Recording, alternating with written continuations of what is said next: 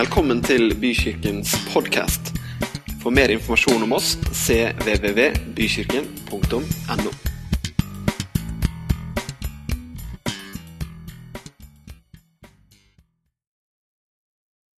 God formiddag, alle sammen. Halleluja! Amen. Jeg har vært i Afrika, vet du. Da har jeg blitt eh, vant til å få litt respons. Jeg fant å være i Afrika som predikant det er som å ha en, en bil med 500 hestekrefter under panseret. Bare du tråkker litt på gassen, så bare brøler det foran der. ikke sant? Mens her hjemme føler jeg kjører en sånn der Kia 1,3 liter. Det skjer ingenting liksom du tråkker på gasspedalen. Det, liksom, det er like stille. Så nå har jeg liksom vært, blitt litt prega av det. Men jeg blir sikkert akklimatisert ganske fort. Regner med. Det er jo norsk. Har merka veldig norsk. Jeg skal jeg har eh, Lenge siden jeg har vært her, faktisk. Av ymse årsaker så må vi bare offisielt gratulere oss selv med ny pastor, da. Og ja, kjempe. Herlig. Der er han.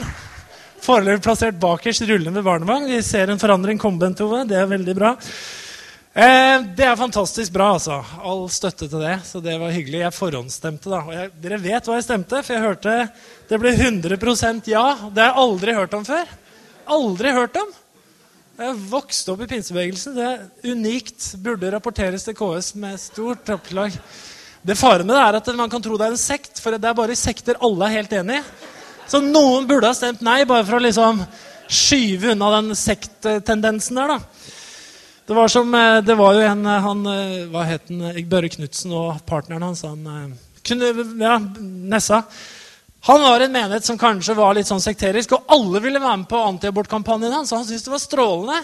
Men det var ikke så bra likevel. vet du. Det var kanskje ikke alle som ville det egentlig. Men vi tror den 100% her er bra, Bent Ove. Kjempebra. Eh, jeg har som sagt, eh, jeg har vært en tur i Afrika. som dere ser. Jeg har hilst på han karen her. Jeg måtte ha med han. Jeg har vært sammen med Stig. Det er ikke bilde av Stig, det her. Men eh, bare ha et Afrikabilde, som det hører seg bør. Eh, så jeg skal si litt eh, For dere som ikke kjenner meg, så har jeg vært pastor her da, i mange år eh, før. Og vi har et misjonærpar i, i, Tanzania som heter Stig og Sara. Skal hilse så mye. Jeg har bare truffet Stig, da. Men skal hilse så mye opp til dere alle sammen. Og eh, skal gi en liten rapport. for at Den konkrete årsaken til at jeg reiste dit, var jo ikke for å treffe han som dere har bilde av her. Men du kan se på neste, eh, neste slide, Sebastian. Eh, det er bare et par bilder oppe fra et sted eh, ute på landsbygda blant masaiene, hvor det er eh, sånn at eh, vi har besøkt, Du ser den røde bygget der. Det er da kirkebygget der ute. Og Stig han er der inne og sier litt. Og det er damekoret i menigheten som dere ser der. Eh, noen masai-damer. Eh, den konkrete årsaken til at jeg reiste ned, var jo at her i menigheten så hadde vi et misjonærpar. Og når vi starta Bykirken i 2005, så rakk vi vel nesten ikke å bli kjent med han ene som het John Lerbo. Var gift med Kari Lerbo, som tragisk døde i drukningsulykke i sommer. Men for mange år siden så, så reiste de ned til Afrika og begynte å jobbe der og kjente kallet som misjonærer. Og Et av de områdene de kom til, det var det området som dere ser bilde av her, som heter Samoli, som er ca. 10 mil fra Nairobi.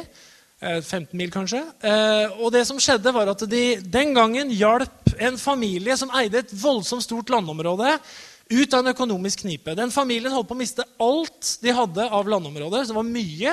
Og De hjalp dem da både økonomisk og praktisk med å komme ut av den knipa. Og som takk for hjelpa så fikk misjonen av denne familien en del av det landet som de eide, hvor det skulle bygges barnehjem og osv. Og, og det var visjonen for det her. Og så er det sånn at uh, etter hvert som tida har gått, så er jo, de tenker jo ikke sånn kjernefamilie, de tenker veldig slekt. Så er gjerne mange involvert når man gjør noe i en familie der nede.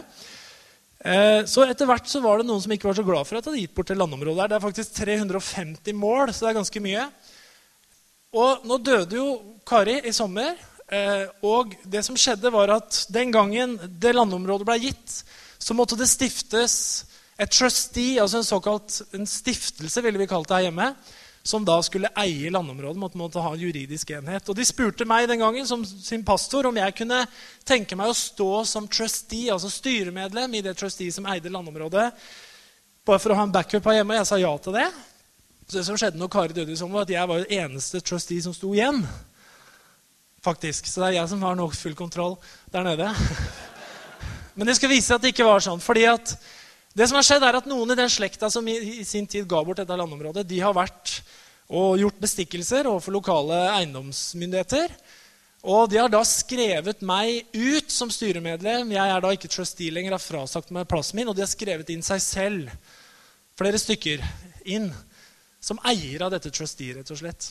Og det gjør at De får, til, de får landområdet, og de får også bygningen som har blitt oppført av Misjonen på det området. Så det er jo landveisrøvere på høylys dag, egentlig. Men da ringte Stig meg her for noen uker siden og sa du må faktisk komme til Kenya, for du er den eneste som juridisk kan representere trusteet for å redde denne saken. Derfor så måtte jeg reise, så jeg har vært da i møte med advokat og jeg har vært hos politiet i Nairobi, som er veldig annerledes enn politiet her. Og så har de, Nå blir det sak av det. Så håper vi at det ikke er korrupsjon helt opp i anti, dette antikorrupsjonsavdelingen i politiet. Så jeg håper på en måte ikke at det er korrupt i antikorrupsjonsavdelingen. Sånn at denne saken da går som den skal i rettsapparatet, og at det blir noe ut av det. Så da må jeg sannsynligvis ned igjen da, for å vitne i en, en rettssak på den måten. Men det kan dere godt, uh, om dere husker på det, og det er på hjertet deres, så vær gjerne med å be konkret for den situasjonen. Fordi at hvis denne svindelen rett og slett skulle gå igjennom, og de har brukt masse penger på å bestikke folk for å få det til, så vil jo barna Det er tolv barn som bor i det ene huset der. Uh, de vil jo også da miste det, osv. Så, videre. så det, uh, det var saken til at jeg reiste ned. Så var jeg der oppe i menigheten, og det var, det var veldig interessant. altså. Var, eh, jeg kom dit, og Stig sa det kommer til å være et par hundre mennesker der. De har eh, grand seminar, har de kalt det fordi du kommer og sånn. Så det er liksom kult. Eh, og når jeg kom dit, så var det liksom tre motorsykler og to biler. Jeg tenkte, hvor er folk hen? Nei da, de kommer bare gående fra overalt. Og det var, eh, var fullt trøkk altså, inne i salen der. Så det var vel et par hundre mennesker og masse masaier med svære smykker og store høl i øra. Og i det hele tatt. Og det var, det var akkurat som det liksom skulle være i Afrika. Det var kjempehøy lyd. Alt var utrolig høyt. Og de hadde veldig dårlig høyttaleranlegg, Så det var vreng på lyden hele tida. Så jeg spurte Stig kjøper en høyttaler ferdig sprengt liksom, bare for å få den der Afrikalyden. Så sa Stig de har ikke lært seg knappen gain. De kjører alltid full på den. For dere som driver med lyd, dere vet hva gain er. Det er alltid fullt på gain. Men det var fantastisk. Så de hadde da starta lovsangen om morgenen klokka halv ni. Og jeg talte sånn klokka halv to. Bare sånn, bare for å ha sagt det. Så før meg så var det da tre predikanter som jeg satt og hørte på. Og så var det da meg eh, etter hvert. Og det var, det var en det var en flott opplevelse. Det, det, var det virkelig. Men det var som å ha en 500 hester under panseret. Altså. Det var bare å si et eller annet litt høyt, så var det Jeg får ikke bakoversveis, men kunne jeg fått det, så hadde jeg fått det. Så jeg ble invitert igjen da og kunne komme ned og ha big seminar. og sånn, Så vi får se åssen det blir. Men eh, noe annet som jeg gjorde, som gjorde litt inntrykk Det var, jeg kunne fortalt mye. Men det, det som er fantastisk å se, er at Gud er god overalt. Og mennesker finner gleden i Herren overalt. Under fattige kår også så er Gud den samme. Jeg skal ta ett, en slide til med dere. Så besøkte jeg et sted. Det er litt små bilder. De er tatt i sort-hvitt. Men uh, det er bare for at det skal se enda verre ut. Nei da. Det var veldig ille. Jeg var, uh, jeg var, i Nairobi, en by med enorme kontraster. Det er noen mennesker som er steinrike. Og så er det slum. Det er 60 eh, eh, sånn eh, arbeidsledighet.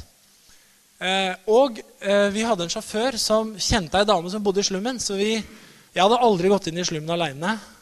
Jeg og Stig vi hadde ikke gjort det alene. Men vi dro til Kibera-slummen. Det er en av slummene som er der nede. Og i den slummen, da, som dere ser litt sånn takene nedover på det ene bildet der, så bor det ca. 1 million mennesker. da. Og jeg tenkte Hadde det vært en 200-300, så hadde det liksom vært men 1 million det er, liksom helt sånn, det er jo helt mind-blowing altså. å begripe det er to ganger Oslos befolkning. Og det er ikke et stort område, og de bor som sild i tønne. Og Sånne historier har dere hørt mange ganger før, men det gjør inntrykk altså, å komme dit. Eh, I slummen og det er litt sånn, Hvordan lever man der? Jo, så De lever på under én dollar om dagen. Eh, det verste da, det verste er at det er ikke sanitærsystem der. Det, altså ikke, det fins ikke kloakkanlegg der. Så kan du bare fantasere litt rundt hvordan det fungerer med en million mennesker. og jordbakke osv. Så, eh, vi ble tatt med av sjåføren vår inn til ei dame som han kjente. Vi gikk gjennom trange smug, og det var selvfølgelig da følte jeg meg veldig hvit og høy og annerledes. kan du si. Det fulgte unger etter oss da, for å se om noe skjedde. Hello, mister. Ikke sant? Og eh, det er utrolig fattigdom, altså. Men de, det som er sterkt altså, oppi det, er at de tar vare på hverandre så godt de kan. Og det er de ganske flinke til. det skal sies. De er ganske flinke til å ta vare på hverandre. De har omsorg for hverandre, for det er eneste måten å overleve på. Det er å faktisk bry seg om de du har rundt deg. Det andre er at de, de tror på Gud. da. Inni der hos dama vi var, det var ett lite rom inni slummen der. Jeg hadde aldri funnet tilbake. Jeg hadde ikke blitt guida inn dit. Det var trange smug. Og der er det jo Jesus på alle vegger. The Lord is my shepherd, ikke sant? Og hun lever på under en dollar om dagen, har to barn som skal prøve å gå på skole, som de må betale for sjøl osv. Så, videre. så det er for oss helt sånne håpløse greier. Når det kommer masse regn der i regnperioden, så bare renner alt det her som da er resultatet av ikke å ha sanitærsystemer. Det renner jo bare innover gulvene i husene. Det er ganske forferdelig. Og ungene går jo barbeint rundt der. Mange gjør det. Og jeg hadde ikke orka vært der lenge. Du blir liksom, føler deg møkkete i to dager etterpå når du har vært der. Men inni denne slummen så er det kirker hvor de priser Gud hver eneste søndag under den fattigdommen. Og jeg kjenner at sånn prosperity preaching da, det blir liksom veldig fjernt. Men Gud er god, altså. Så jeg fikk vært i den slummen og, og sett det. Og det, sagt, det, det gjør veldig inntrykk. Når det er sagt, så er jeg utrolig glad for å bo i Norge. Utrolig glad for å ha et samfunn som fungerer. Men jeg merker også hvor eh, det er klart Vi er enormt isolerte. Og man gjør seg noen refleksjoner rundt det. Og jeg tenkte jeg bare skulle ta dere med litt i noen tanker rundt det. For jeg, det er noe man tenker på, faktisk. Det med materialisme. Vi, vi, har jo hørt, vi hører ofte om materialisme. Vi snakker om hvor farlig det er, hvor, hvor prega Norge er. Og materialisme osv. Og, så og jeg er helt sikker på Du, akkurat som meg, merker jo stadig hvor, hvor prega vi er av materialisme. Og liksom det herre Må ha det, bare må ha det. Er du enig? Uh, jeg tenkte jeg bare kunne dele noen tanker med oss her i formiddag. Litt ut fra Jakob, men koble det litt til Det kan bare stå der, det bildet der. Fordi at jeg, jeg har tenkt mye på det her for min egen del. Hva er det som gjør at jeg blir lykkelig? Og hvorfor er det sånn at jeg ofte føler at det er ting jeg, jeg bare må ha? Som jeg kanskje strengt tatt ikke må ha. Men i det samfunnet vi lever i, så er det så mye som forteller oss hva vi må ha. Og vi får verdier som er veldig sånn vanlig for oss her hjemme. Men det er helt uvanlig for mennesker som bor på andre steder. Helt uvanlig. Så det vi føler at vi må ha, det er jo ikke en konstant størrelse. Altså Bare se på russen. altså når jeg, var, når jeg, var, barn, så kjørte russen sånne små, gamle biler ikke sant, som de hadde mala litt og sånn, og følte behov for å ha en sånn russebil. Og, mens nå føler jo mange russ at de må ha en buss til fem millioner. Det bare må de ha, liksom. For hvis ikke så Ikke alle føler det, men mange, en del føler jo det at de må ha en russebuss til fem millioner. Det, såpass må man ha. Så kan man si det er positivt at de lærer seg å prosjektere og sette opp budsjett. og alt mulig. Men ting endrer seg jo i forhold til hva vi føler at vi må ha. Jeg vet ikke om dere så det på nyhetene i går, men Nå setter de jo restriksjoner i Oslo på det her juleballet. ikke sant? Altså 9. klass, 10. klassinger. De får ikke lenger lov til å kjøre limousin. da. De må sette ned foten et sted. Og noen filler nå, Vi følte jo vi måtte ha limousin. Vi går tross alt i 10. klasse. Vi er 15 år. altså. Vi må jo ha limousin. Og sånn sett så kan jo det her velstanden og rikdommen har jo ingen grenser, egentlig. ikke sant? Det finnes sånn type begjær i det her med rikdom og sånn, som er ganske grenseløst. da. Eh, jeg har sjekka litt liksom, hva, vi, ofte, hva det skrives om at vi må ha. Jeg vet ikke om du kan google det en gang, men jeg, jeg gjorde det. Og sjekka litt hva, hva, det står om hva vi må ha. Og Nå vil jeg at du kikker litt på de bildene. Nå skal jeg lese noe som faktisk tar litt tid, som på, i seg selv er meningsløst å lese en gudstjeneste, men som kan ha litt mening allikevel når jeg sier punktum. Samtidig som du ser på de bildene der og tenker på at her også bor det en mamma. For eksempel, Det er ikke aktuelt for alle her. For noen så står det om 'Dette må du ha til babyen'. Skal jeg ta lista? Dette må du ha til babyen. Eh, tenk deg at du sier det til en dame som bor her. Ammepute Brukte mye i begynnelsen når jeg ammet oftere. Og veldig greit å ha liggende på fanget når man sitter i sofaen. Når de er som minst, de ligger godt, og man kan få avlaste skuldre og rygg som får kjørt seg nok som det er. Masse ammeinnlegg. Igjen veldig smak og behag. Hvem man liker, prøv deg fram. Gasskluter, vaskekluter, gulpekluter i hopetall. Til melkesøl, gulp, tørking av hender, ansikt og det meste, egentlig. Brystpumpe, elektrisk og eller manuell. Flasker, to stykk. Lurt å starte med pumpe og gi litt flasker fra starten av, så man venner seg til det. Og gi mye mer frihet senere. Og så er det hyggelig for pappaen å gi litt mat til den lille også, da. Nedfrysningspose fra apoteket til melk du har pumpet ut, kan spares opp til seks måneder. Og tiner man det i kjøleskapet når man trenger det. Smukker. Sprinkelseng med madrass, jern med bunn som kan heves og senkes ettersom barnet vokser. Sprinkelbeskytter. To tepper, helsetepper i bomull eller ull. Og har du noen strikker i familien, så ønsk deg et i ull i oppskrift fra neste barn. Eventuelt kjøp deg et ferdig strikka Bamseklut, sutteklut, mykt kosepledd til å legge inntil ansiktet og sove med. To sengesett, dyne 60 ganger 80, eventuelt en ekstra til vogna. Laken og tisselaken. Mange liker å sove på soveskinn. Deilig om vinteren, så skaff deg et soveskinn. Vogn. Prøv i butikken og tenk på hva dere syns er viktig med vogn. Kjøreegenskaper. Plassene tar sammenslått, man skal ha den i bilen. Om det er viktig at barnet kan ligge mot deg i sportsdelen osv. De som har kjøpt billigere og dermed dårligere vogner, har angret, for det blir dyrere i lengden å måtte kjøpe en ny vogn til neste barn enn å kunne gjenbruke en bra vogn som koster litt mer. Mye å spare på å kjøpe på nett, Sverige og Tyskland. Bare å vente på januarsalget. Så må du ha vognpose. Voxy-pose er supert. Du må ha laken, tisselaken til vognmadrassen. Du må ha leke til å henge på vogna. Du må ha mygg, og du må ha solnetting på vogna. Du må ha solskjerm til vogna.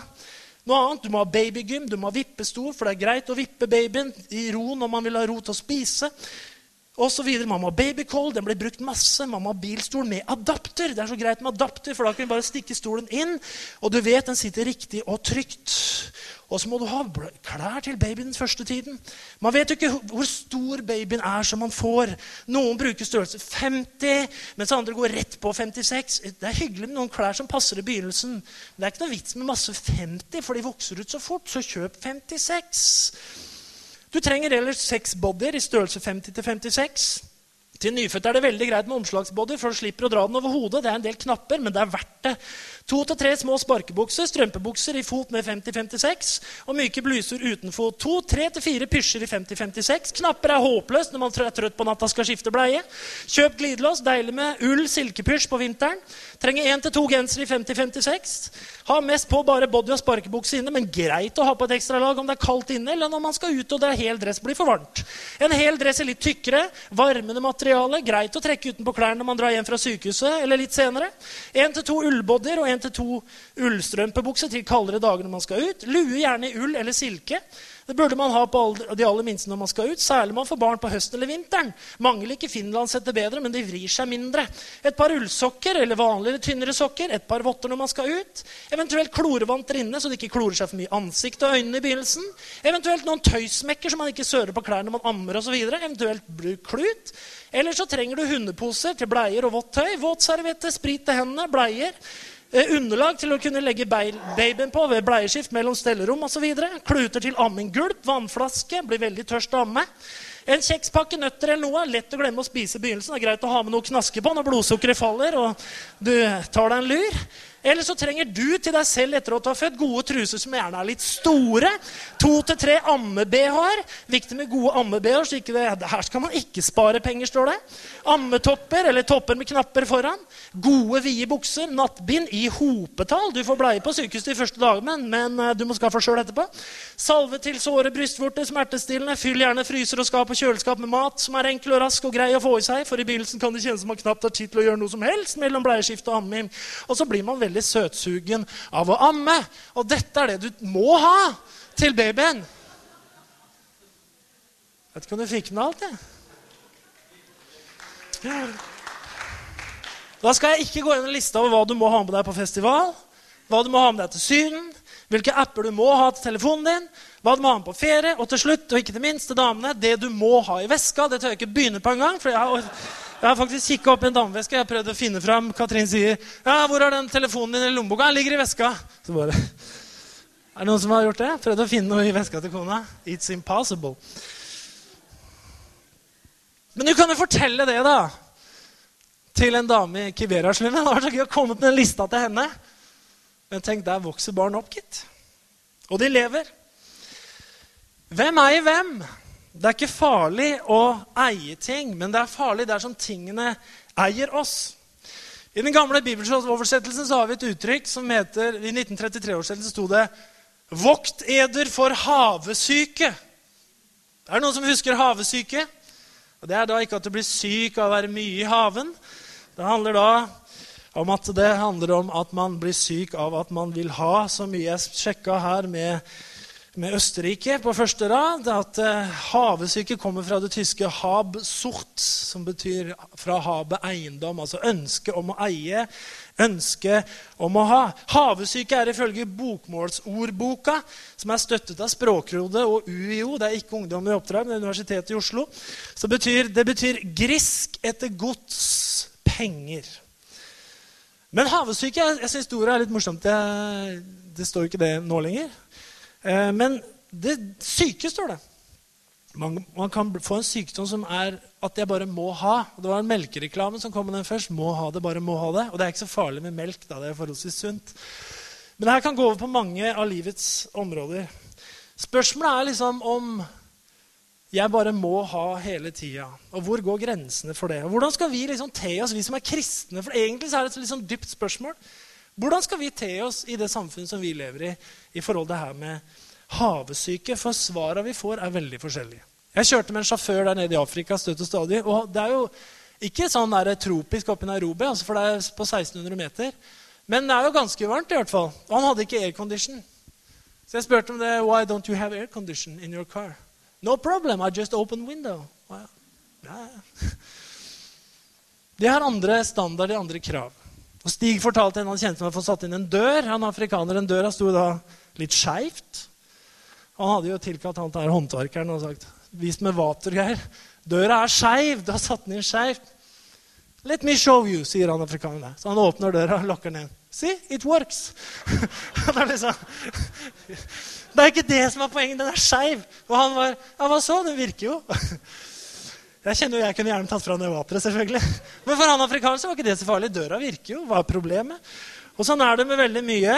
Vi får ulike standarder på ting. og på en måte blir litt sånn der, Hvor skal vi sette grensene? Er det noen grenser vi skal sette i forhold til hvordan vi tenker i forhold til ting og tang? Eh, det spørsmålet her er noe som eh, innimellom farer forbi meg. Faktisk, Jeg vet ikke om det gjør det med deg, men det farer forbi meg innimellom. Fordi jeg, jeg i hvert fall er sånn at innimellom så føler jeg veldig sterkt at det er ting jeg må ha. Har du det sånn? Og vi, bare, vi liksom bare må ha det. Og Noen ganger så er det jo veldig kjekke, fine ting, og det er absolutt legalt å si det. Men andre ganger så er det sånn at vi bare, vi bare må ha ting som vi kanskje egentlig ikke trenger på den måten. Og så legger vi merke til hvor fort ting blir gammelt. Ting i hvert fall jeg. Jeg, jeg har vært litt sånn, jeg har vært, jeg har en svakhet for biler. Og jeg er sikker på, Hvis jeg hadde hatt veldig mye mer penger, så kunne jeg sikkert kjent at jeg måtte ha veldig mye. faktisk. Eh, det hadde vært en fristelse. Men så er det sånn at du verden, noen ganger jeg har kjøpt bil, altså, og jeg har gleda meg så mye. Ser, jeg vet ikke om du kjenner seg igjen, men Man ser på bilder av den bilen, og man liksom undersøker alt om den bilen og leser om alt om den, og du kan alt om den før du får den. Man gleder seg veldig, og så får man den bilen. Og Den første måneden man vasker jo hele tida, og det er jo helt, ikke sant? Det er veldig stas. Men hva skjer etter en stund? Etter en stund så kommer jeg til et punkt hvor jeg sier å, jeg må bare bli kvitt den bilen.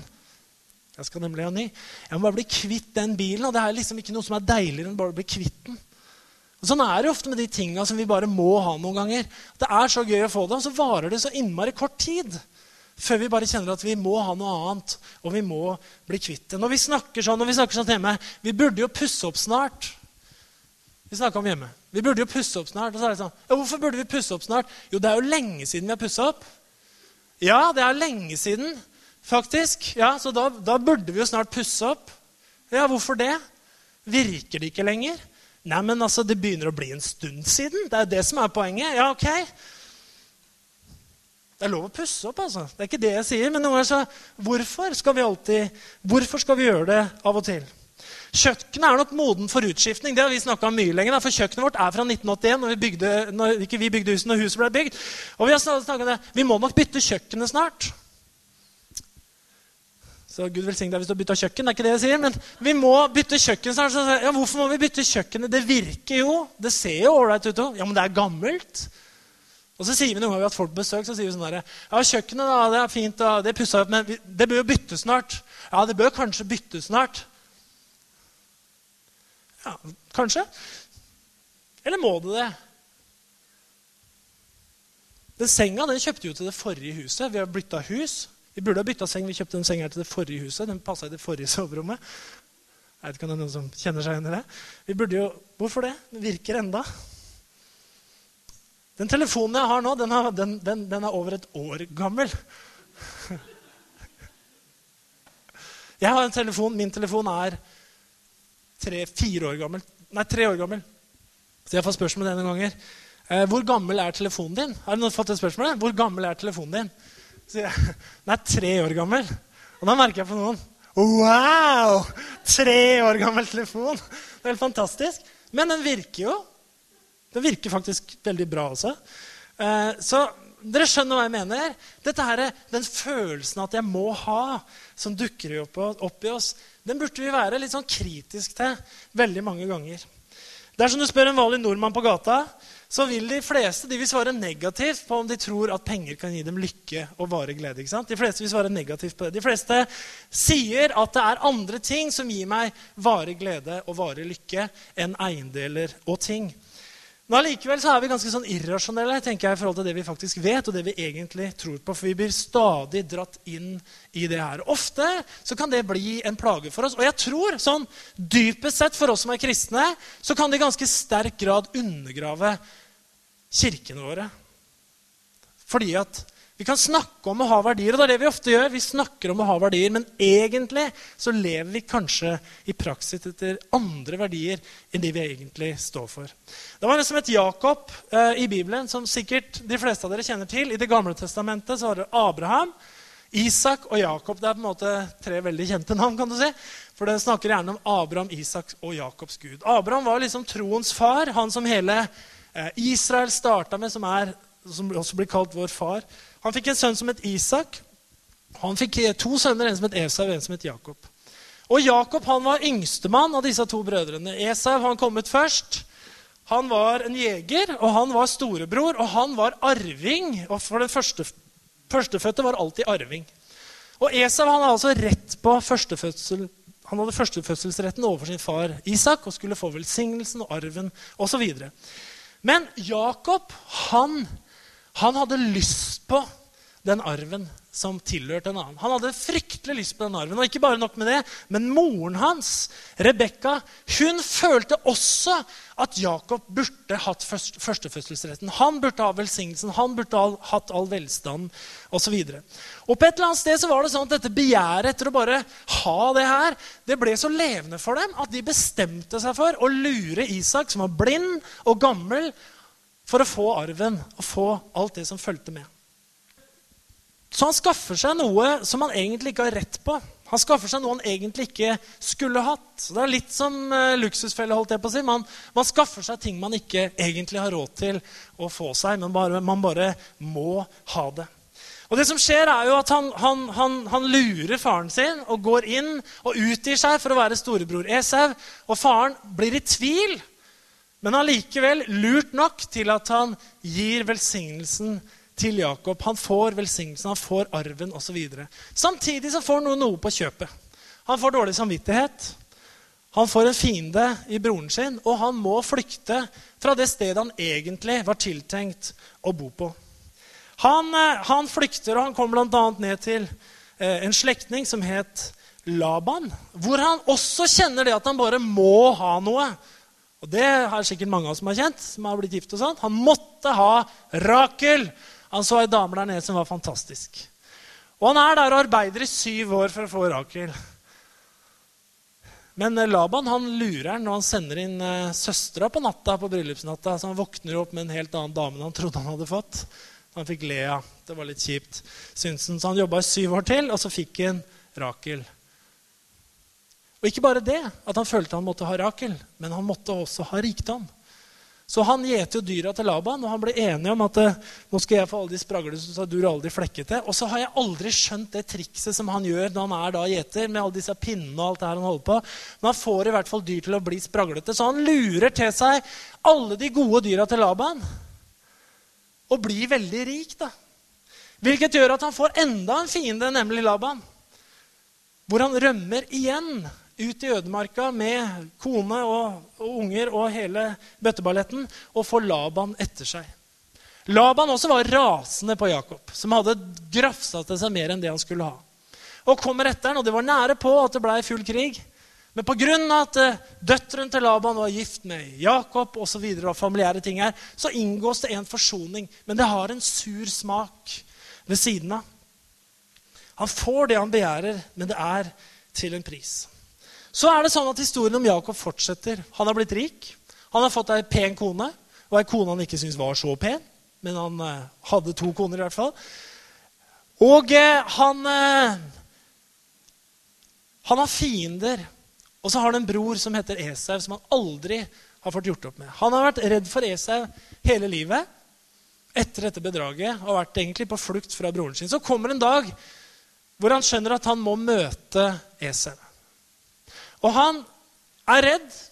Redd for hva Esau skal gjøre med ham. Og vi kan hoppe inn. Jeg bare leser fra 1. Mosebok 32. Så står det at han forbereder en gave til broren sin for å blidgjøre ham. Han sender slaver i forveien. Det står i 1. Mosebok 32, 21-29. Slavene dro i forveien med gaven, mens Jakob ble værende i leiren om natta. Samme natt sto han opp, tok de to konene sine, de to slavekvinnene og de elleve sønnene og gikk over vadestedet til Jabbok.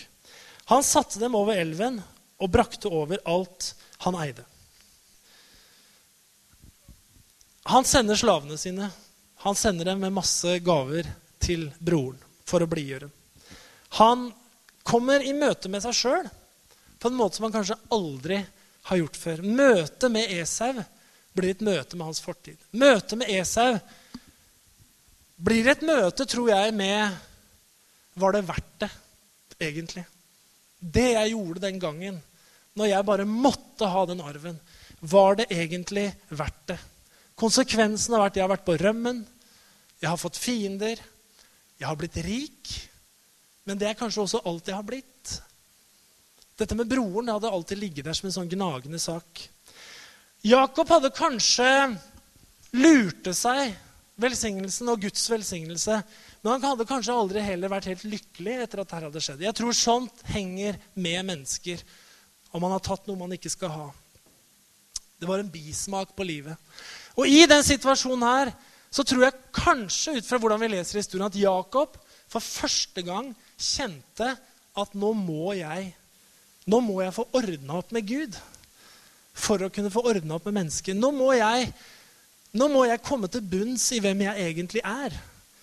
Nå må jeg liksom få Guds velsignelse. Jeg har fått, fått lura til meg min fars velsignelse. Jeg har på en måte fått lura til meg økonomisk velsignelse gjennom å være smart. Ikke gjøre noe ulovlig, men å være veldig smart overfor Laban.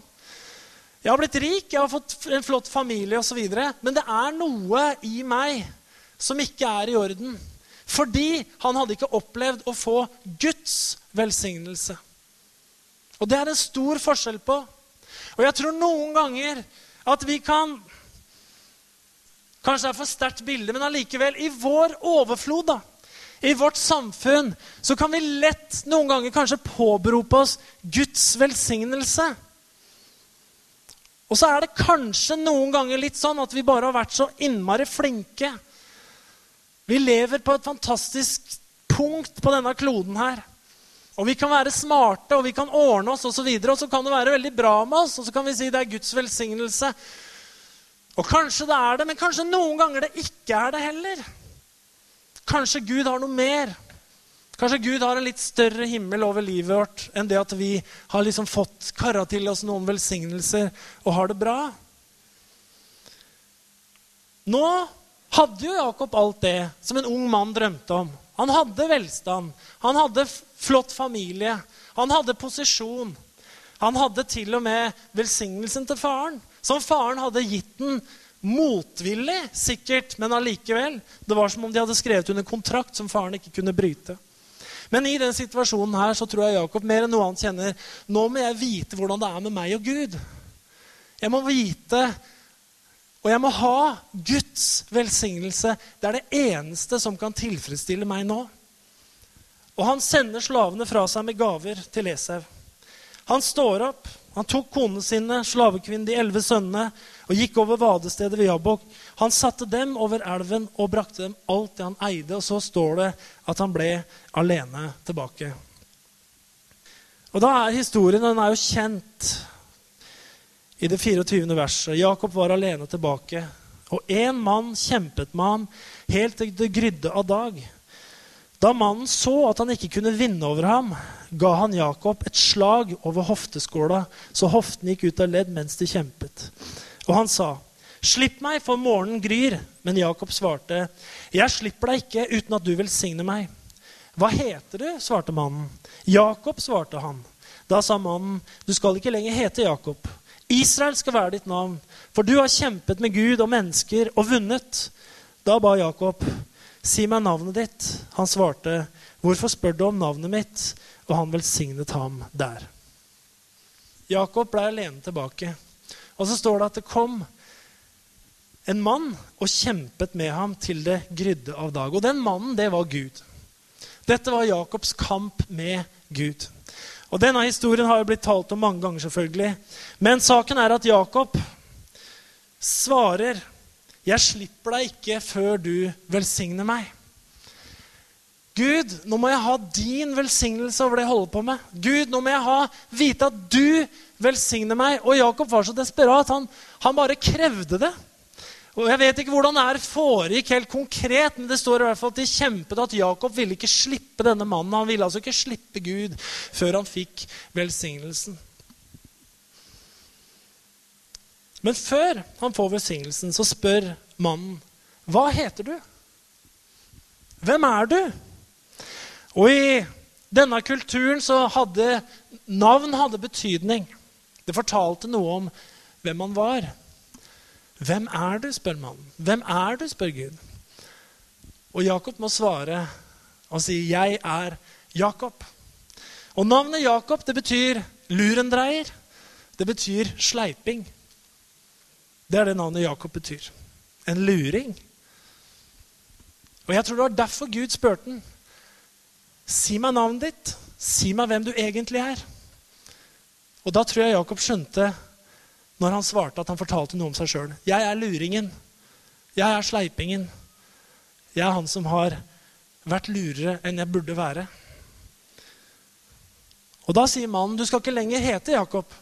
Du skal ikke lenger hete luring. Du skal ikke lenger være en luring eller en sleiping som passer på deg sjøl først og fremst. Fra nå av så skal du hete Israel, som betyr 'han som kjempet med Gud'. Og Dette er starten på nasjonen Israel og den velsignelse som skulle komme etterpå. Jakob ble far til de tolv stammehodene. Han fikk sønnene sine, som da igjen har gitt navnet på de tolv stammene i Israel. Men det skjedde etter at han hadde kommet til, til fred med Gud. Han ble velsigna av Gud. Glede og fred, det er indre betinga. Det handler ikke om, handler, Vi vet det handler ikke om rikdom. Det handler ikke om eiendeler, det handler ikke om hva vi kan få til av karrierer. Indre glede, det ligger på et helt annet plan. Det handler om at vi finner fred med Gud. Bibelen snakker så mye om det her. Jesus snakker om det her med ordet som blir sådd, med såmannen som går ut osv. Han sier de som hører ordet, det er de som hører ordet, men det blir sådd som blant tornebusker, sier han i Markus 4. De som er blant tornebuskene, eller, de hører ordet, men livets bekymringer, rikdommens bedrag og lysten til alle andre ting kommer inn og kveler ordet, så det ikke bærer frukt. Og igjen sier, her, sier, blir vi oppfordret i Filipperne 4.: Gled dere Herren igjen, vil jeg si. Gled dere. La alle mennesker få merke at dere er vennlige. Herren er nær. Og vær ikke bekymret for noe, men legg alt dere har på hjertet framfor Gud, og be og kall på ham med takk. Og Guds fred, som overgår all forstand, skal bevare deres hjerter og deres tanker i Kristus Jesus. Bibelen er jo full av det her. Den forteller oss igjen og igjen ta vare på hjertet deres. Ta vare på relasjonen med Gud. La dere ikke dra av gårde alt det som kan være rundt dere av rikdom, av havesyke, av hva det kan være. og så videre, og så. Og jeg tenker det her, eh, dette jeg snakker like mye til meg sjøl, for jeg tror det handler om at vi må ha en bevissthet som kristne rundt disse tingene her. Også være bevisste i det enorme forbrukersamfunnet som vi lever i. Sånn at vi har noe igjen til å bruke til det som har med Guds sak å gjøre. Guds rike, ressursene våre osv. Videre, sånn at vi kan leve for Gud. Vi er i juletida, og ingen tid på året har vi større forbruk enn det vi kanskje har akkurat på den tida her i samfunnet vårt som helhet. Men vet du hva? Vi burde være flinke til å snakke med det her med, med ungene våre. Hva er det som er viktig, egentlig? Hva er det som betyr noen ting? Barna våre er jo bare offer for en enorm markedsføringskampanje hele tida. Ikke sant? Det, det dyttes på hele tida, og de snakker om Ja, men pappa, hvor mye kosta det? Jeg kjøpte en basketball til Philip der nede. Han ønska seg det. Det er ikke for å utlevere han, han er, han er bare ni år. Det første han spør om når jeg kommer med ballen, er 'Pappa, hvor mye kosta han?' Ja, Det spiller ingen rolle, sa jeg. Det er en Spalding, det er en veldig bra ball. Ja, men hvor mye kosta han? Det betyr ingenting, sa jeg. Dessuten er det ikke høflig å spørre folk som gir deg en gave, hva den koster. Hvorfor ikke det? Nei, det er ikke sånn man gjør. Men jeg vet hvorfor han stiller spørsmålet. Det er fordi at når han kommer til kameraten sin med ballen, så er det stas å fortelle Det er mer stas å fortelle at den kosta 900 kroner enn om den kosta 100. Ikke sant? Hvor mye kosta den?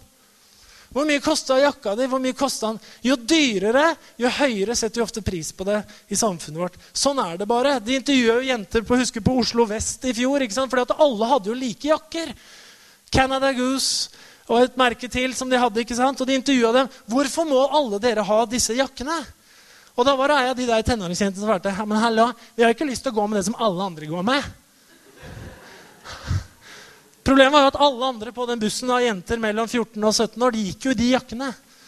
Jeg er så utrolig original. Ja. Og sånn kan vi jo bli så blinde mange ganger. Men jeg tenker at vi har et, vi har et høyere kall. Det, det, er viktig å snakke om. Og få litt sånn perspektiv på noen ganger hva Jesus sier om det her. Og hva Bibelen, Bibelen sier jo enormt mye om det. Og for oss så er det, så er det noe vi stadig bør tenke på og jobbe med oss sjøl på. Det fins tusen fristelser hele tida, osv., osv. Og Gud har, Gud har noe mer for oss. Gud har noe mer for oss. Jeg har egentlig bare lyst til å si god jul med de orda der. Og, og, og la, oss, la oss ha dette her med oss i hverdagen, i livet vårt. Herre, jeg takker deg for at du, at du, du er en Gud som velsigner. Du er en Gud som ønsker å gi oss alt godt, Herre. Du ønsker at vi skal ha det godt her i livet.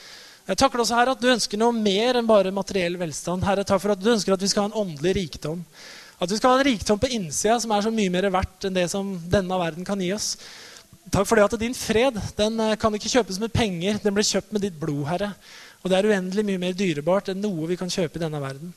Jeg takker deg, Jesus, for at du vil hjelpe oss hele tida ved Den hellige ånd å forvalte riktig og hjelpe oss til å leve riktig i den overfloden vi har, Herre. Sånn at vi kan være gode forvaltere både for oss sjøl, for de som er rundt oss, men også for den større verden som vi er i og lever i, Herre. Jeg takker deg, Hellige Ånd, for at du vil hjelpe oss til å velge og se og være klare i våre tanker, Herre. Lær oss, Herre, å bygge livet på noe mer enn det som verden forteller oss vi skal bygge på. Takk, for, Herre, for at du er vårt fundament. Takk for at du er vår grunnvoll. Og Herre, uten din velsignelse så blir det andre ikke så veldig mye verdt. Men din velsignelse, Herre, det er den som gjør rik. Det er den som gjør at vi blir hele mennesker på innsida.